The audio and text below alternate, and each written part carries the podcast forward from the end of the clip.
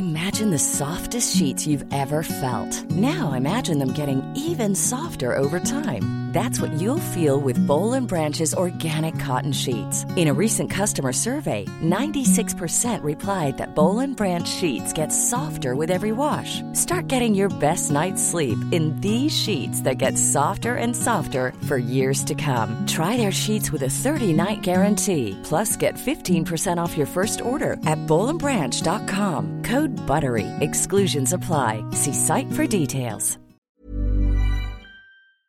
Den här veckan så har vi ett betalt samarbete med Synoptik och deras glasögonabonnemang Synoptik All Inclusive. Ja, det är ett tryggt och bekvämt sätt att ha glasögon där man kan kombinera med eh, solglasögon och linser och där all service ingår som fria glasbyten när din syn förändras, otursskydd om du klantar till det. Ja, vet du vad Måns? Helt sant. Bara i år har jag satt mig på två par glasögon. Då är det här något för dig. Dessutom får du möjlighet att byta ut ett par varje år. Så kan det ju vara lyxigt att ha solglasögon med styrka. Det har jag köpt i år redan ju! Och till och med såna här eh, med dynamiska glas, har du såna då? Nej. Där glaset blir mörka ute i solen Ja. och ljusa när man kommer in. Allt inkluderat i en fast månadskostnad från 90 kronor i månaden. Inga oförutsedda kostnader. Dessutom har de ett erbjudande. Du får alltid 30% på alla glasögon och solglasögon när du tecknar ett Synoptik All Inclusive. Läs mer och boka tid på synoptik.se. Fråga Anders och Måns.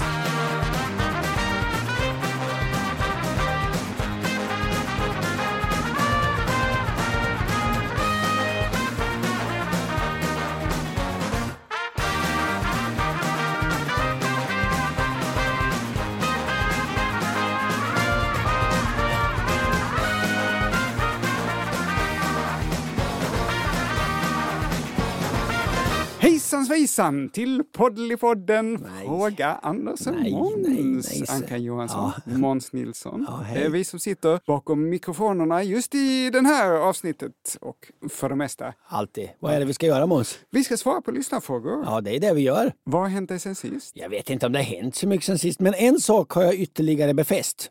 Vi har ju, eh, du och jag, flera gånger tidigare pratat om att ingen av oss ska ha en, vadå? Krukväxt? Nej, båt! Båt? Vi har ju flera gånger tidigare pratat om, om att ingen av oss ska ha en båt. Det är Nej, jättedumt. Får vi ta inte hand om den på rätt sätt? Nej, min första båten gav jag till dig. Måsar flyttade in, någon stal all metall, det regnade in, den sjönk och för att slippa vite från kommunen fick du hyra en kranbil för att lyfta den från Öresunds botten, eller hur? Ja, usch. Ja, sen köpte du en ny båt ändå.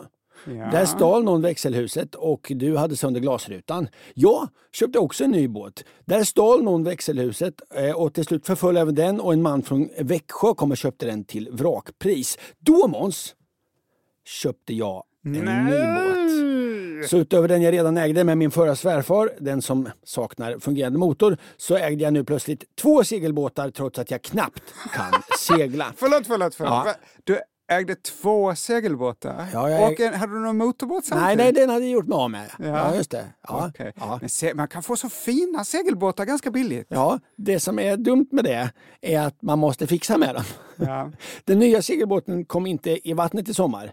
Och när jag nu under hösten skulle börja laga läckande ventiler insåg jag den här båten är inte sjösäker. ja, ja. Och i måndags så kom det en stor kranbil och körde den till närmaste båtskrot. Nej. Vi ska inte ha båtar Måns. Nej. Nu har jag ju en båtplats. Och vet du vad jag gjorde igår? Kolla på Blocket efter båtar. Jag smsade till en kompis och frågade om, hej du, ska inte du och jag köpa en båt ihop? och det är något i det här som jag hatar, men som jag också älskar. Liksom hur drömmar dör och blir till skrot och problem av detta lär man sig ingenting. Det är som att man gör sönder sin framtid, sin framtida vardag. Man vet, jag kommer bli stressad, fattig, jag kommer ha dåligt samvete. Det är framförallt det dåliga samvetet. Ja. Ja. Ändå gör man det igen Ja. och igen. Det gäller inte bara båtar. Det gäller bilar, Rela- båtar, relationer. ja, jobb, fester. En vägg, jajamensan, vi ska väl springa rätt in i den. Vissa kallar det här för dumheter. Men det är ju också att leva lite, att ställa till det för sig. För handlar inte livet om det, att skapa någon form av berättelser? Eller hur Måns? Eh, Ja, det är mitt mål med jag livet. tror att det är bra på vissa sätt att man förtränger sina motgångar. Ja. Eh, Jag tänker att livet när man dör, det ska vara fullt av dumheter och berättelser man gjort. Det var mitt sommar. Måns, vad har hänt dig? Ja, men det är lite samma tema, kanske lite grann i alla fall. För någon vecka sedan gick min torktumlare sönder. Ja, just det. Den stannade mitt under ett program. Den gav felkod F1 för överhettning. Och när jag öppnade filtret som samlar damm så var det vatten där. Det ska det absolut inte vara. Maskinen ska ju pumpa ut kondensvattnet genom en lite svart slang. Jag suckade och tänkte på hur jobbigt det skulle bli att släpa den här maskinen till tippen och framförallt hur dyrt det skulle bli att köpa en ny. Ja, ja, ja, usch. Det är ingen rolig utgift. Då. Nej. Man har sparat pengar och nu ska jag köpa mig någonting kul eller gott eller resa eller någonting. Ja. Och så blir det en torktumlare. Nej. Nej. Men så tänkte jag att det kan ju vara den lilla vattenpumpen som eh, ska pumpa ut torkvattnet ur maskinen som är sönder. Och den reservdelen borde jag kunna beställa och byta själv. Oj, rådigt. Men jag drog mig ändå för att göra det. Det är ändå ett projekt att skruva ner en torktumlare, skruva bort bakstycket och skruva bort topplocket eller vad det kan Det heta. inte riktigt, nej. Eh, Och sen det svåraste, att få Vad- ihop alla delar igen. Ja, ja, det, Det, det är som när man ber min brorsa hjälpa en att laga bilen. Jaha. Man får alltid ihop det, men det är alltid några grejer över. Och då säger han, det här blev ju bra, säger han. Ja, det, det kändes lite jobbigt, så jag tog inte tag i det direkt. Nej. Jag sköt det framför mig. Ja, klassisk knep. I helgen hade det gått tre veckor Mhm. och nu hade paniken över att inte kunna tvätta vuxit sig så stor att den var större än nervositeten över att demontera maskinen. Mhm. Det är ju så här jag jobbar. Det, det är som en vågskål. Mm. När något är jobbigt så skjuter jag upp det. Mm. Detta går ut över någon annan. Ja, De blir mer och mer irriterade. ja, Och när denna irritation blir jobbigare för mig än grundproblemet, ja, då gör du det. när vågskålen så att säga väger över, Ja. då tar jag tag i grundproblemet. Det som är deppigt är här att du och jag är så sällsamt lika. Hur kan vi överhuvudtaget få gjort en podd? Nej, men det är för att vi förstår varandra. Så jag började läsa på om att laga torktumlare, framförallt på forumet byggahus.se. Signaturen Electroluxaren hade i tio års tid pedagogiskt och tålmodigt svarat på alla möjliga människors frågor om vitvaror. Electroluxaren är ju passande namn då såklart. Eller hur? En helt vanlig användare eh, som inte får betalt vad jag förstår. Bara en person med ett enormt intresse för vitvaror. Ja, det är inget konstigt. Och ganska mycket fritid, verkar det som. Jag blev nästan tårögd när jag läste om driftkondensatorer och filttätningar och tänkte på alla dessa människor i vårt samhälle som helt ideellt lägger av sin dyrbara tid och osjälviskt hjälper andra. På vitvaror. Ja, men i alla möjliga sammanhang också. Sportföreningar och vad- jag jag förstod detta, jag skojade ja, lite. Det Ja, ja. Okej, det ska du inte göra. Nej, Electroluxan, om du hör detta, tack. tack. Jag läste att det antagligen var kondenspumpen som eh, jag trodde. Eh, jag läste vad man behöver skruva isär för att komma åt den. Jag plockade fram verktyg, satte på mig oömma kläder, tog ett djupt andetag och skulle precis sätta igång. När min tjej tittade in i tvättstugan Mm, Inte nu älskling, inte nu, sa du. och läste upp vad Electroluxarna hade skrivit i en annan tråd. Citat. Det kan ha fastnat någon gegga i pumpen. Prova att blåsa i slangen. Jag tittade mycket skeptiskt på henne. Torktumlaren är sönder, antagligen redo för tippen. Jag ska precis skruva ner den i sina tusen beståndsdelar och hon tror att den går att laga genom att blåsa lite i slangen. Vilket pucko! Knappast! ja, ja. Men det var ju Electroluxan som hade skrivit det. ja, han har till. Han Eller hon. Du, ja, eller Eller hon. hon. Ja, Ja. Förlåt, eh, litar du på?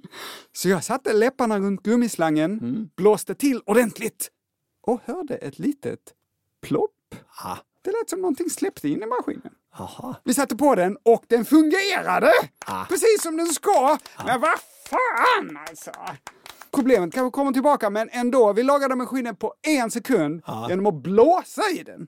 Va? Det är så man vill att världen ska fungera. Exakt, det är som om motorn på en av dina bilar har skurit Anders. Ja, det hände och du, häromdagen. precis, och du lagar den genom att klappa lite på taket och säga någonting snällt. Ja, det hade varit skönt. Och billigare. Så fint kan livet vara ibland. Ja, och om du hade vetat att det var blåsa i röret som, som, som, som gällde, då hade du inte skjutit upp det lika länge. Det hade jag ju inte såklart. Det hade jag gjort det direkt. Den vågskålen hade blivit full snabbt. Ska vi dra igång? Med vad? Att svara på lyssnarfrågor. Absolut. Ta fatta mod, helst för ett tal och bjud till dans här på vårt golv och slå dig lös i vals och pop för allt blir topp när Tom Ullum spelar upp. Sen den ljuvliga sensommardag då jag råkade genom ett taxifönster se en bäver har bäver varit ett flitigt förekommande ämne i våran podd. Vi ska fortsätta på detta underbara tema. Måns, dagens första fråga kommer från mångsysslaren Josef. Hej, tack för en förträfflig podd. Jag arbetar en del med skärande verktyg i trä. Och, eh, Skärande verktyg i trä, alltså såg? Det vet vi inte. Nej, vet vi inte. Och som ni kanske känner till så blir själva äggen på verktyget slött efter viss användning. Kniv alltså. Just det. Jag kom att fundera över hur bävrar håller sina tänder tillräckligt vassa för att kunna skära i trä med dem. Jag antar att de på något sätt vässar tänderna. Med vänlig hälsning, mångsysslaren Josef. Men det här har jag ju pratat om, inte exakt, men jag har berättat hur bävers tänder kan vara så starka. För att det är järn i dem, ja. Och så har jag också berättat att de växer hela livet. Allt detta berättade du Måns, absolut. Men du missade tydligen att berätta om huruvida de slipar sina tänder eller inte. Ja. Mm, vad tror du? Jag tror inte att de slipar sina tänder. Jag tror tänderna blir slipade av att användas på något sätt. Hur Ja, du menar att man hänga ihop? slipar en kniv genom att skära i trä? Nej. Nej. Hur menar du? Jag vet inte hur jag menar. Nej. Kan det vara så att tänderna är som hårdast i mitten? Så att eh, de liksom eh, slits på sidorna och då automatiskt blir skarpa? Ja, du är inne på någonting ganska nära sanningen Måns. Så här skriver Tandläkarförbundets tidning med det passande namnet Tandläkartidningen. Ja. Bävers framtänder växer hela livet, visste vi redan. Cirka en centimeter i månaden, visste vi redan. Framtänderna har en rödbrun emalj på framsidan.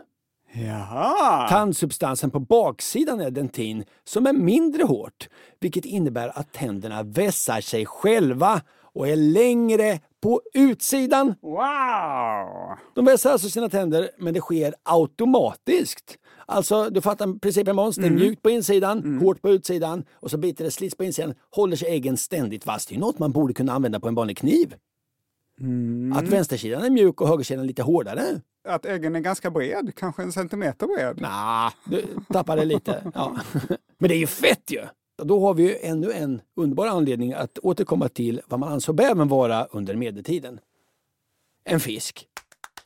Klassikern alltså, bävern ansågs vara en fisk. Ja, det var ju att man fastade så mycket och man var lite trött på att äta så mycket sallad och fisk så då fick bävern också vara en fisk. Ja. Det var lite kort om bävern. Vi går vidare. Ja, jag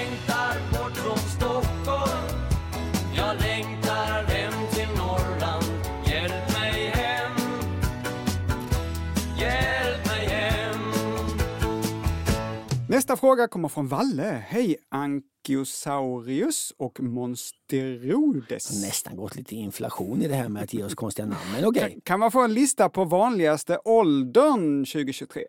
Oj, När, när är de flesta i Sverige födda just nu? Tack och godnatt, Lilla Hatt. Valle, vad tror du Ankan? Ja, jag tror de flesta, är så jag tror vi toppar kring eh, 70 just nu. 71 kanske. 71 år. När är man född då? då? Kan du räkna ut det? Uh, ja, nej det kan jag inte. Nej, det är 50-talet någon gång, 40-talet. Ja.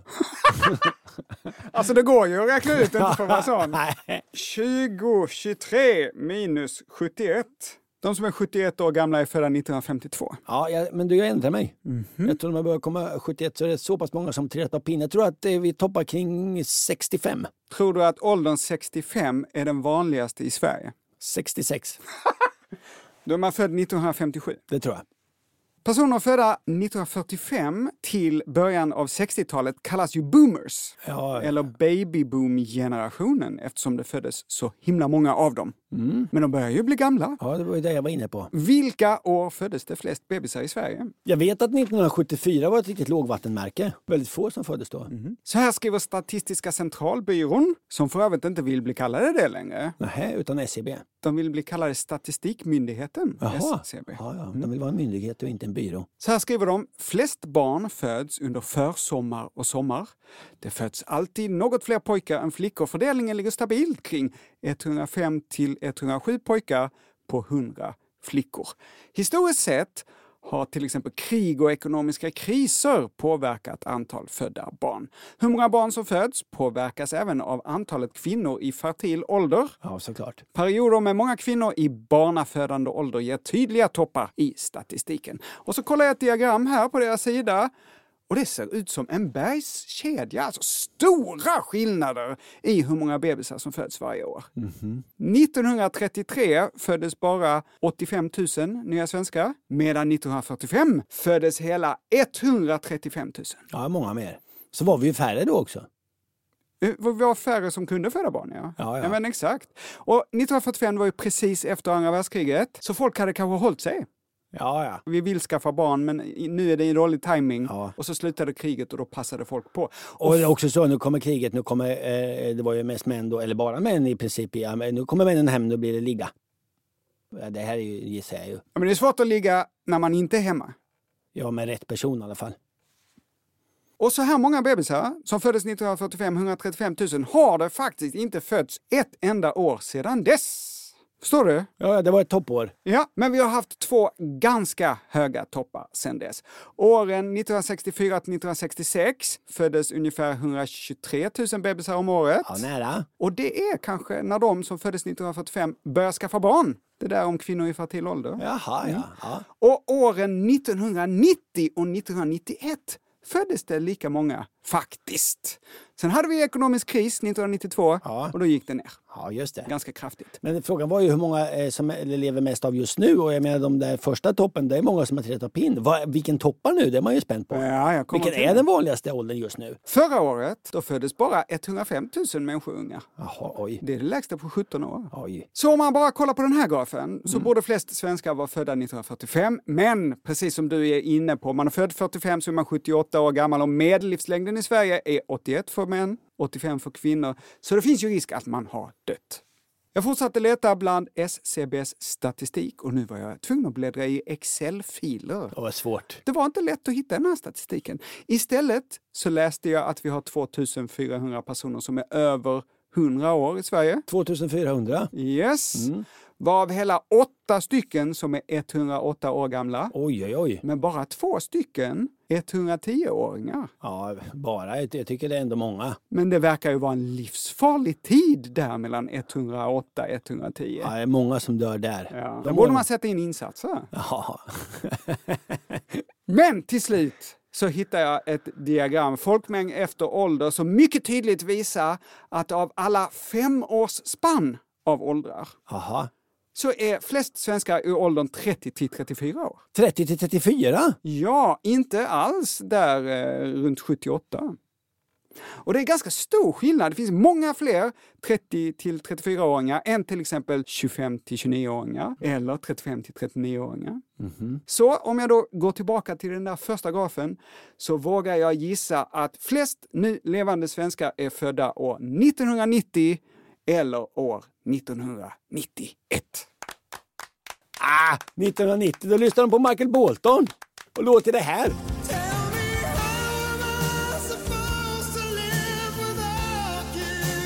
Hoppas du är nöjd med svaret, Valle. Av nu levande svenskar så är de allra flesta gjorda till en Michael Bolton-låt. Det var svaret på vår fråga.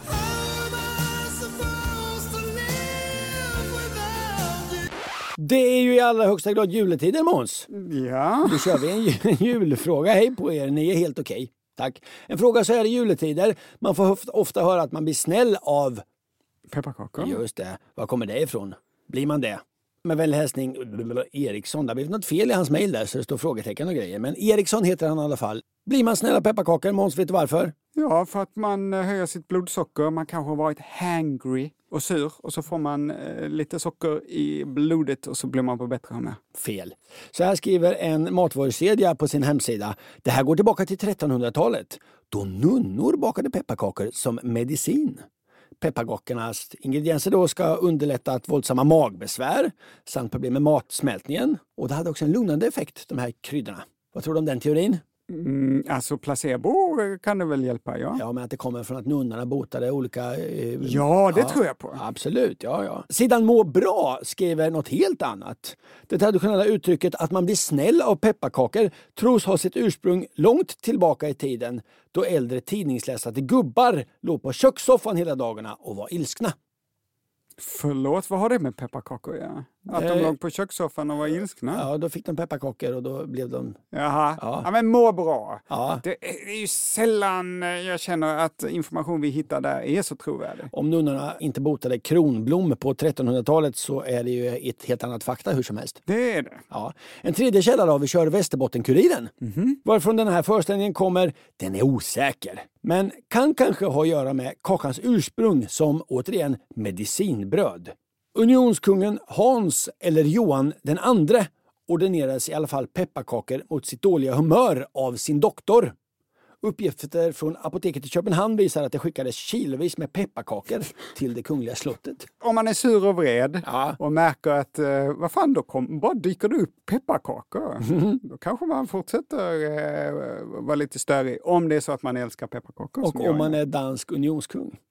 Vi kör en teori till Måns va? Sveriges bagare och konditorer har en hemsida. Där har jag varit inne och jag läser följande. Kanske är det så att kakor inte brukat vara karamat. Med undantag av just pepparkakor. Varför då Måns Förlåt, kar? Alltså att... eh, Mat för män. Nähä. Nej, kakor är inte det och var inte det förr. Nej, nej, nej. Men pepparkakor var det. Varför det tror du Måns? Jag vet inte. Jo, för de var så kryddiga och starka. Det är ju jättestarka karlar.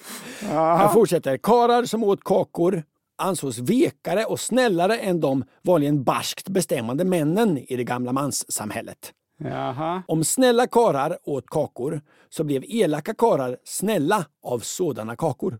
Okej. Mm. Alltså det är mesigt med kakor, Ja, ja. men kakor med starka kryddor det var lite tufft. Ja, det är coolt. Och om mesiga män åt kakor då kunde det gå åt andra hållet och tuffa kakor gjorde tuffa män mesiga då.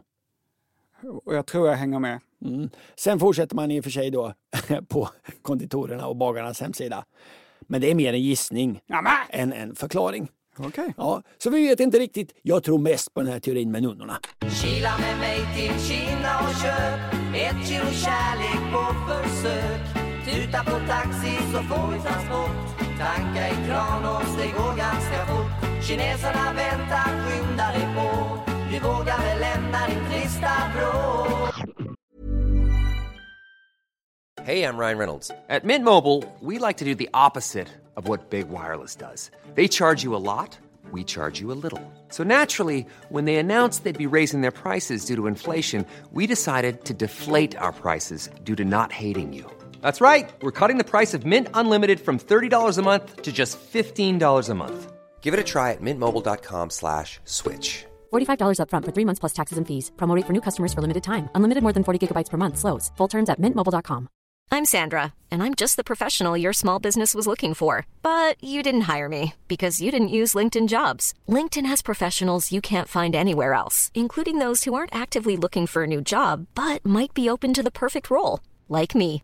In a given month, over 70% of LinkedIn users don't visit other leading job sites. So if you're not looking on LinkedIn, you'll miss out on great candidates like Sandra. Start hiring professionals like a professional. Post your free job on linkedin.com/people slash people today. One size fits all seemed like a good idea for clothes Nice dress. Uh, it's a it's a t-shirt. until you tried it on. Same goes for your healthcare. That's why United Healthcare offers a variety of flexible, budget friendly coverage for medical, vision, dental, and more. So, whether you're between jobs, coming off a parent's plan, or even missed open enrollment, you can find the plan that fits you best. Find out more about United Healthcare coverage at uh1.com. That's uh1.com. Som vanligt har vi fått lite eh, feedback på den fakta vi har presenterat. Dags för... Pling, Pling. pling. Åter, åter, Återkoppling.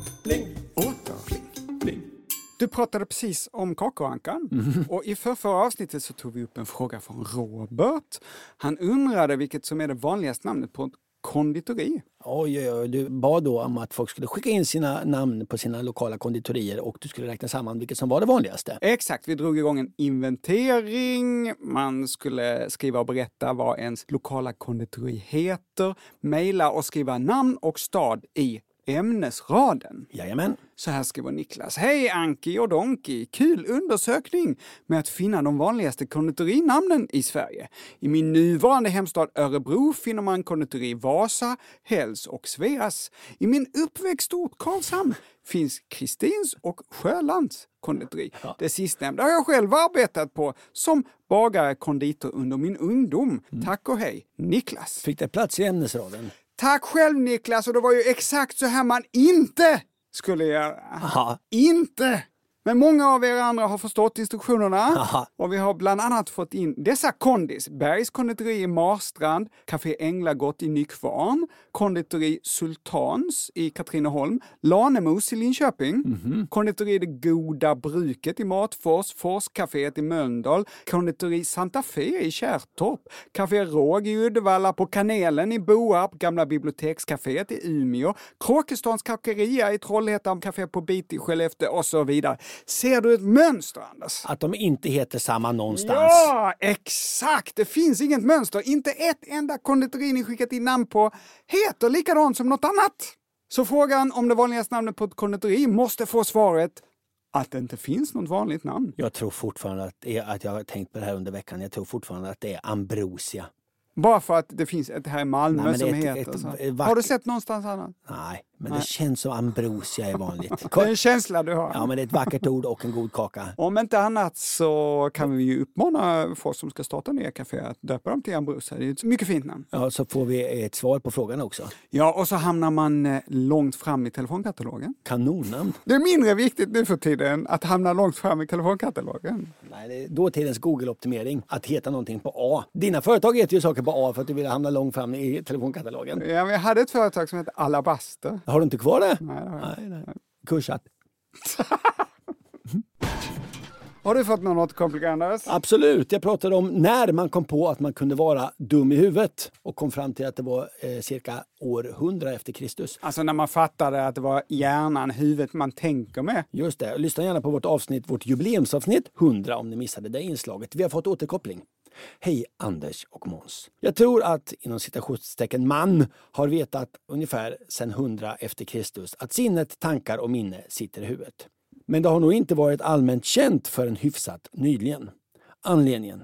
I flera mer eller mindre moderna språk finns det fortfarande uppenbara spår efter att man trodde att det satt i hjärtat. På svenska har man ju till exempel att ha något på hjärtat. Mhm. Man säger det, vad har du på hjärtat Måns? Just det. Som att du tänkte med den muskeln. På engelska, to recite something by heart betyder att man kan någonting utan till från minnet. I mängder av kinesiska uttryck betyder ordet för hjärta sinne eller tankar. Liknande på japanska, exempelvis hjärta och kropp betyder sinne och kropp. Nu kan jag inte fler språk, men tänker att det inte är så unikt för just de språken. Många tack för alla timmar. Med vänlig hälsning, Robin. Vilken fin återkoppling! Tusen Jajamän. tack för kan det. du fler uttryck på andra språk där eh, hjärtat är samma sak som hjärnan, då får du gärna höra av dig till fraga andersomans.se. Den kärlek som jag skänkte dig och hjärtat som du tog från mig har fått för många här. Och sårat skyndar jag nu bort, vår kärlekssaga blev så kort tyvärr. Nästa fråga kommer från Sofia. Hej! Jag undrar om folk var bekvämare med kyla förr i tiden. Se till exempel Olles skidfärd eller Kerstin Frykstrands bilder och mycket annat liknande. Barnen ser så bara ut om halsen och så har de stickade tröjor som det måste blåsa rakt igenom. Med vänlig hälsning Sofia. Tack för att du skriver till oss Sofia. Jag tycker att det är en mycket bra fråga. Om jag ska anmärka på något så är det att alla dina exempel är tecknade. Mm, ja. Olles skidfärd är en barnbok av Elsa Beskow, så Olle fryser ju inte på riktigt. Nej, men eh, Eftersom han inte finns på riktigt. fotografier var ju mer sällsynta på Elsa Beskows tid. Hon kanske inte hade val, hon kanske inte kunde eh, fota bra bilder av de här små människorna som bodde små i kottar och skit. Nej, det är för att de fanns inte på riktigt, Anders. Nej. Eh, De heller faktiskt. Det är fantasier från Elsas lilla skalle. Jag minns när jag läste Elsa Beskow för mina barn när de var små. Man Han- fick, man fick censurera lite grann. Jaså? Ja, det var mycket så här att när barnen kom hem då fick de ett rejält kockstryk. och, och sen, nej, det, det var, det var, man fick liksom hoppa över vissa. Tant Brun. Tant Grön min- och tant Gredelin. Tant Brun är min favorit. Alltså. Olles skidfärd, Olle där, eh, han hade kunnat vara på Nordpolen med badbyxor och en hjälm av is och ändå inte frusit. Eftersom han inte eh, fanns på riktigt. Då. Men sen finns det ju litteratur där barn inte klarar av kyla lika bra. Barnen på Frostmofjället. Den lilla flickan med svavelstickorna tänkte jag på. Ja, det, det, det är en deppig, deppig. Den har liksom ingen, fryser sen dör hon, sen är det slut. Så här slutar den. I hörnet vid huset satt i den kalla morgonstunden den lilla flickan med röda kinder med ett leende kring munnen. Död. Ihjälfrusen den sista kvällen på det gamla året. Nyårsmorgon gick upp över det lilla liket och så vidare. Barnlitteratur var annorlunda förr. Ja, jo. jo. Då var det flickor som frös ihjäl, nu är det mullvadar som får bajs på skallen. Ja, ja, jag, jag- kan gilla den nya eh, litteraturen lite bättre då. Ja. Ja, du hittar inte en H.C. Andersson-saga där mullvadar får bajs på huvudet. Nej. Men om vi lämnar litteraturen och istället går till verkligheten så har jag studerat gamla svartvita bilder av riktiga barn förr i tiden och de är kallt klädda. Det är tunna jackor och ofta utan halsduk och med såna här vita stickade lovikkavantar som var luddiga. Man kramade en snöboll och när man kastade iväg den så följde vanten med. Ja, och det fastnade också som ett lager av små, små snöbollar på Lovikkavanten. Exakt, så jag tycker att Sofies Jag lärde mig i veckan att Lovika är en ort i långt, långt, långt upp i Norrland. Ja, Där man började sticka den här vantan och den, den blev poppis och spred sig. Lovikkavanten lärde jag mig jaha. på radion. Jag tycker att Sofies iakttagelse håller. Det verkar som att folk förr i tiden var mer bekväma med kyla. Men hur kan det komma sig? Ja, men det var ju också många material som inte fanns. Ja, med flis och Gore-Tex och Ja. sånt. Just det. Man, man hade stickat att välja på. Ja, men det är väl lika kallt för det? Ja, ja visst, men om de var bekväma vet jag inte. Var, de hade inte flis och Gore-Tex att välja. De valde ju inte eh, Lovika och stickat för att jag tycker att jag är så bekväm med kyla. Hade de haft en Gore-Tex och en flis framför sig hade de nog valt det. Det tror jag också. Det tror jag. Men de ser ju bekväma eh, ut på bilderna. De var ju utomhus bevisligen på bilderna. Ja, så utifrån bilderna så sluter du dig till att eh, ja, barn klarade kyla bättre förr. Ja. Och hur kan det komma sig? Bilderna jag tittar på är bara 100 år gamla, så genetiskt kan de här människorna inte skilja sig från oss. Speciellt mycket i alla fall. Har personerna på bilderna tränat upp sin tålighet mot kyla? Kan man göra det? Och i så fall, sitter det bara i hjärnan, alltså att man vänjer sig vid eh, smärtan av kylan? Eller kan man träna upp sin tålighet fysiskt? Alltså att det sker fysiska förändringar i kroppen om man utsätter den för kyla. Det tror jag absolut. Jag är ju vinterbadare. Jag läser ju ofta om det att eh, jag ska få sånt här nyttigt brunt fett om jag badar. Jaha! Och utsätter mig för kyla. Och det är precis det jag ska prata om, brunt fett! Vet du vad jag tycker? Brunt fett. Ja. Det är eh, kroppens mörk materia. Alltså, det är något man vet, alla nämner och vet finns men ingen fattar riktigt vad fan är det för fett. Jag ska förklara för dig Ankan. Ja. Allt om brunt fett, det blir en brunt fett special. Bara i podden Fråga Anders och Måns. Och vi har fått en ny jingel som passar perfekt i sammanhanget. Det är Joel som gjort den. Människokroppen, det är toppen. Det var så kort, vi får höra den igen. Människokroppen, det är toppen. Tack så mycket Joel. Ja. Brunt fett är superspännande. Vanlig vit fettvävnad isolerar ju människokroppen mot kyla, såklart som att ha en dunjacka under huden. Detta gör också brun fettvävnad. Men brunt fett kan också producera värme. Som att ha ett litet elelement under huden, Isa-Peter. Djur som går i ide, som björn, grävling, små gnagare, de har mycket brunt fett. Människobebisar, de har också brunt fett, upp till ett år ungefär. Och det är kanske därför som bebisar verkar mindre känsliga för kyla än vuxna. Vuxna är käns- känsliga för att ens bebisar utsätts för kyla. Ja. Bebisar lägger ju folk in i 19 lager täck och, och flis och frost och allt vad det heter. Ligger som en liten, liten korv i mitten på jättemycket sallad. Precis som en kåldolme. Men så där är det inte i Danmark till exempel. Nej. I Danmark eh, låter de bebisar sova utomhus. Ja, och så är det väldigt platt. Det, det hör inte hit, men det är sant. Men vilken otur alltså att vi vuxna förlorar det här fettet. Jag hade gärna haft fett i kroppen som värmer mig inifrån, som producerar värme. Och faktum är att år 2009 upptäckte svenska forskare att vuxna har kvar lite, lite av det här bruna fettet. Det sitter framför allt i nacken och i bröstet. Hur går det då till när det här bruna fettet producerar värme? Jo, skillnaden mellan brun och vit fettvävnad är att brunt fett innehåller fler mitokondrier. Mm. Kroppens energi, cellernas energiproducent. Exakt! Man brukar säga att det är cellens kraftverk. I en mitokondrie förbränns socker och fett till vatten och koldioxid under frigörande av energi. Och normalt så lagras den här energin genast i form av kemisk energi genom att molekylen ATP skapas.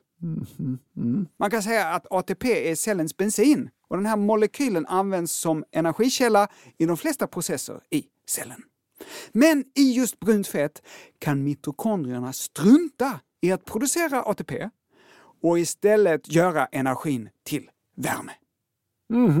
Så här säger doktor Mia Holstila. Brunt fett är inom citationstecken trasigt fett som inte lagrar energi på samma sätt som vitt fett, utan det omvandlar energi direkt till värme. Och då är frågan, eller frågorna, har olika människor olika mycket brunt fett? Kan man göra något för att få mer? Kan man på något sätt stimulera det bruna fettet man har att vara mer aktivt och producera mer värme? Ja, det här vill jag verkligen veta. Svaret är ja. Ja, Det verkar som att man kan få mer brunt fett genom att exponera sig för kyla. ja det, är ju det, jag- det var ju det jag säger ju. Exakt, och att man på samma sätt kan aktivera det bruna fettet. Jag hittade en artikel i tidskriften Trends in Endocrinology and Metabolism. Ja, prenumererar du? Prenumererar du? Jag ska börja göra det.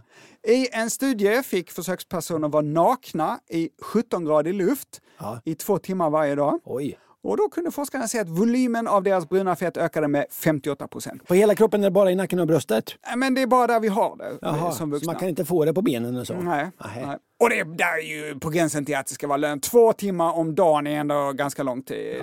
Du får handla och hämta på dagis idag. Jag ska vara naken i 17 grader luft. Ja, dålig. Det, det är eh, grogrund för skilsmässa. Ja, ingen kommer köpa det. Nej. Så här säger professor Jehai Kau på Karolinska institutet.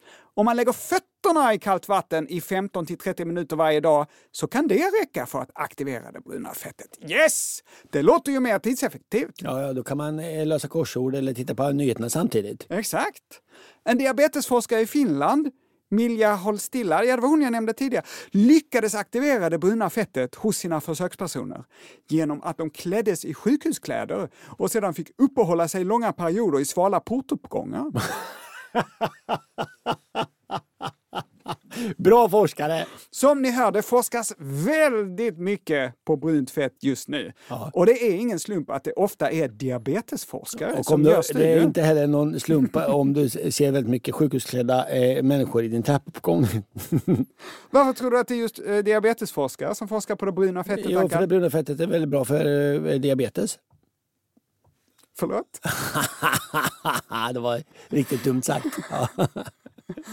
Jo, så här är det. För det bruna fettet kan nämligen stjäla energi från vit fettvävnad och göra om den till värme. Man kan alltså använda det bruna fettet mot övervikt. Är du med? Ja, ja, visst. Så här säger Sven... Men det är inte så ofta man är överviktig i nacken och på bröstet. Nej, men det kanske kan, jag vet, kan kanske stjäla... Jag tror nog att det bruna fettet kan stjäla, Lite energi lite här och var. stjäla från det vita fettet, eh, även om det vita fettet sitter på andra ställen i kroppen. Jaha, ja. Så här säger Sven Jag ska En- fortsätta vinterbada, det har jag i alla fall. Så här säger Sven Enerbäck, professor i medicinsk genetik, som var personen som upptäckte det bruna fettet och har forskat på möss. Han är Mr Brunt fett.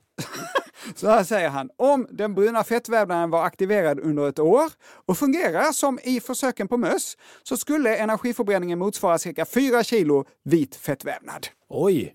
Det bruna fettet kan alltså möjligtvis då bränna 4 kilo vitt fett om året Oj, det är väldigt bra jobbat av det bruna fettet. om man håller det aktiverat. Oj, då måste man... Om man står i sjukhuskläder i kalla portuppgångar ha fötterna i kallt vatten en halvtimme och är naken i 70-gradig luft två timmar om dagen så kan man möjligtvis gå ner fyra kilo på ett år. Om man fungerar som Sven Enonbecks möss. Ja. Diabetesforskare i Lund har genmodifierat en mus så att den har väldigt mycket brunt fett. Och då har de sett att den kan inte bli fet. Oj! Oavsett hur mycket den äter. Oj, det oj, går oj. inte. Det här verkar ju kanon. Och det är det här som jag tror har hänt med mig. Jag frös supermycket som barn, Mhm. alltså aktiverades mitt bruna fett. Och än i vuxen ålder bränner mitt bruna fett bort mitt vita fett och det är därför jag är smal som en svavelsticka. Men du fryser inte ihjäl och eh, solen lyser inte på ditt lik när du vaknar om morgonen. Men det bruna fettet, det verkar inte bara vara bra mot övervikt. Nej. Forskning från Karolinska institutet tyder på att den bruna fettvävnadens enorma aptit på socker verkar kunna snuva cancertumörer på den näring de behöver för att växa.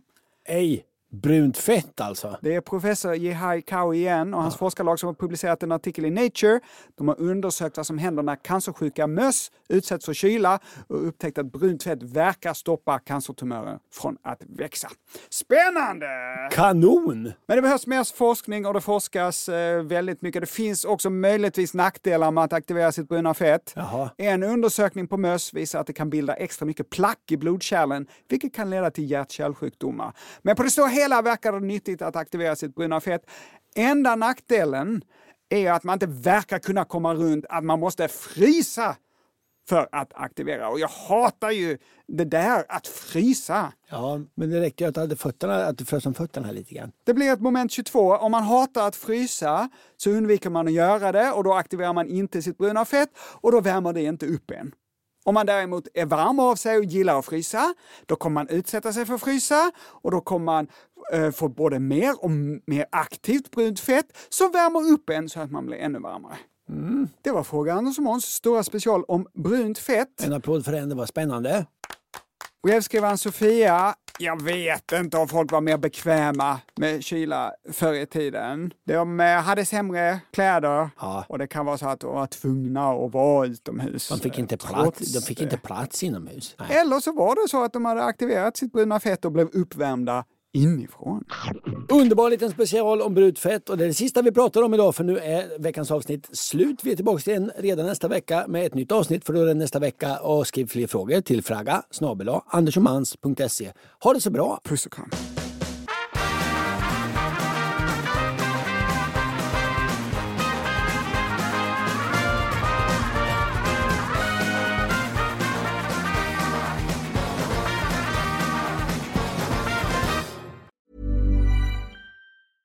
Mom deserves the best, and there's no better place to shop for Mother's Day than Whole Foods Market. They're your destination for unbeatable savings, from premium gifts to show-stopping flowers and irresistible desserts. Start by saving 33% with Prime on all body care and candles. Then get a 15-stem bunch of tulips for just $9.99 each with Prime. Round out Mom's menu with festive rosé, irresistible berry chantilly cake, and more special treats. Come celebrate Mother's Day at Whole Foods Market. Hey, it's Paige DeSorbo from Giggly Squad. High quality fashion without the price tag. Say hello to Quince.